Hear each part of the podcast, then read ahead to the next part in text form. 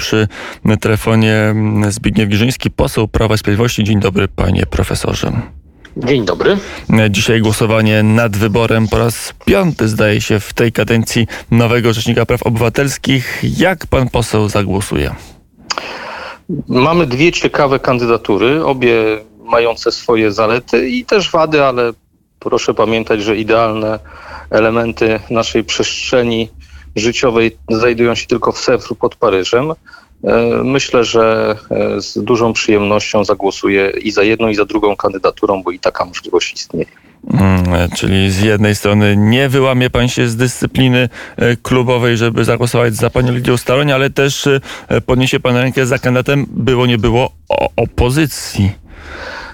Tak, to prawda, z tą bardzo istotną komunikatem, że nawet mniejsza o dyscyplinę tutaj ja cenię sobie panią senator Lidię Staroń. Ona ma dużą empatię społeczną. Znam jej działania od lat i one skłaniają mnie do tego, żeby mm, za nią zagłosować. Znam też dorobek pana profesora Wiązka, e, interesujący, ciekawy, zupełnie z innym doświadczeniem e, człowiek. Uważam, że bez względu na to, kto finalnie jeżeli ktokolwiek z tej dwójki zostałby rzecznikiem praw obywatelskich, to będziemy mieli dobrego rzecznika z całą pewnością byłoby rzeczą wskazaną, aby ten urząd został obsadzony. Ubolewam nad tym, że wcześniej do tego nie doszło.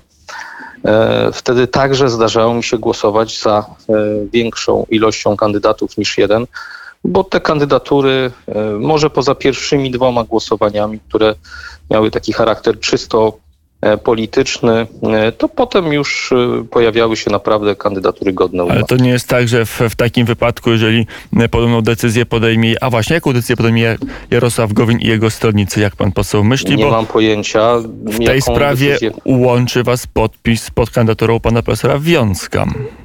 To prawda, ale ja nie miałem świadomości, składając ten podpis, że będzie się tam również podpisywał pan wicepremier Gowin. Nie rozmawialiśmy wówczas na ten temat. E, każdy z nas podjął gdzieś tam tą decyzję ze względu na własną obserwację polityczną, jak rozumiem, e, i też nie mam e, wiedzy, jak zachowa się pan wicepremier tym razem. I nie będzie takiej sytuacji, że będzie istotną rolę odgrywał alfabet, kolejność liter tak, w alfabecie. To prawda. To prawda. Bo najpierw będzie głosować się nad panią senator Staroń, dopiero potem nad posłem Wiązkiem, więc może e, pana głos za panią Lidią Staroń spowoduje, że już potem nie będzie po co głosować nad kandydaturą pana profesora Wiązka.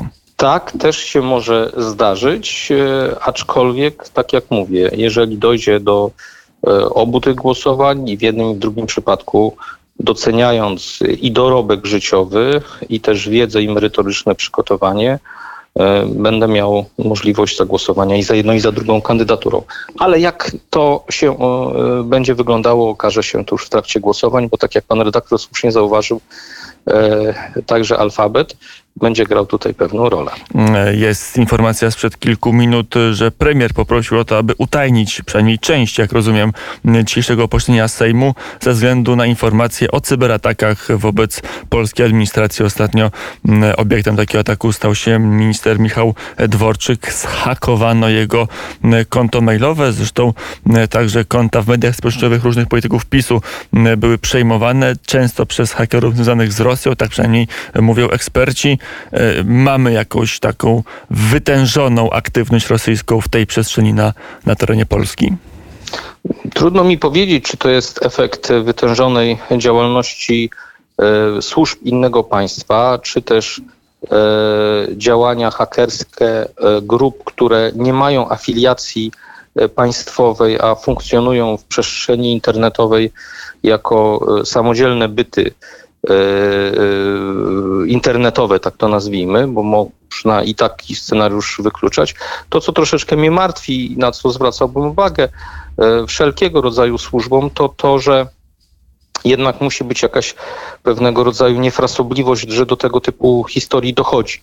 One się wprawdzie zdarzają nie tylko w Polsce, bo w podobnych sytuacjach od czasu do czasu gdzieś tam słyszymy i w przypadku innych państw, E, ale e, one zdarzać się nie powinny i miejmy nadzieję, że zostaną wreszcie podjęte działania, które spowodują, bez względu na to, e, kto będzie w Polsce sprawował władzę, że przedstawiciele naszych władz polskich władz nie będą e, atakami tego typu dotknięci. Mm, Ostatnie pytanie.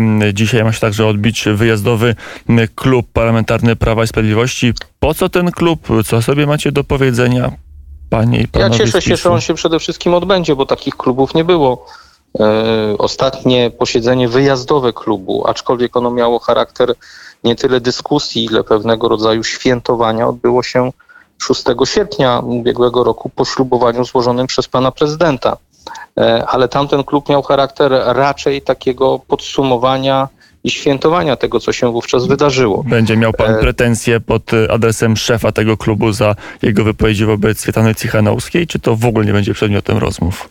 Być może to będzie również przedmiotem rozmów. Jaki będzie e, szczegółowy przebieg dyskusji, to zobaczymy, ale taka dyskusja jest przewidywana. E, Myślę, że różne głosy się będą pojawiały. E, Zawsze w polityce warto rozmawiać, a tej rozmowy trochę ze względu na pandemię, ale trochę także myślę, że ze względu na, e, na to, że e, wygodnie tak nam było i przyzwyczailiśmy się do tego, ale to, co jest wygodne, nie zawsze jest dobre. E, Takiej dyskusji na pewno potrzeba. Nie, Ostatnie pytanie o temat. Jaki pan, jak pan myśli, jaki będzie przewodni temat tego spotkania? Myślę, że przewodnim tematem jednak będzie przyszłość obozu politycznego stanowiącego dzisiaj zaplecze e, rządu, bo ta większość, e, jak widać po różnego rodzaju głosowaniach, to o którym Pan wspomniał, jest jednym z wielu.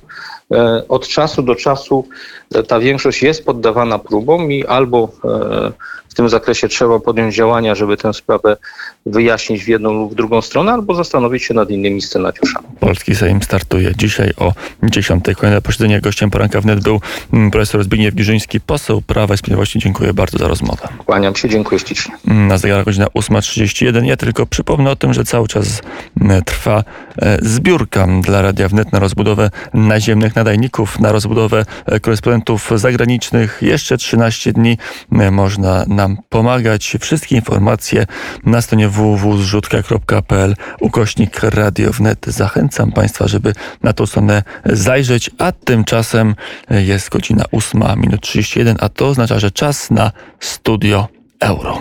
Reklama.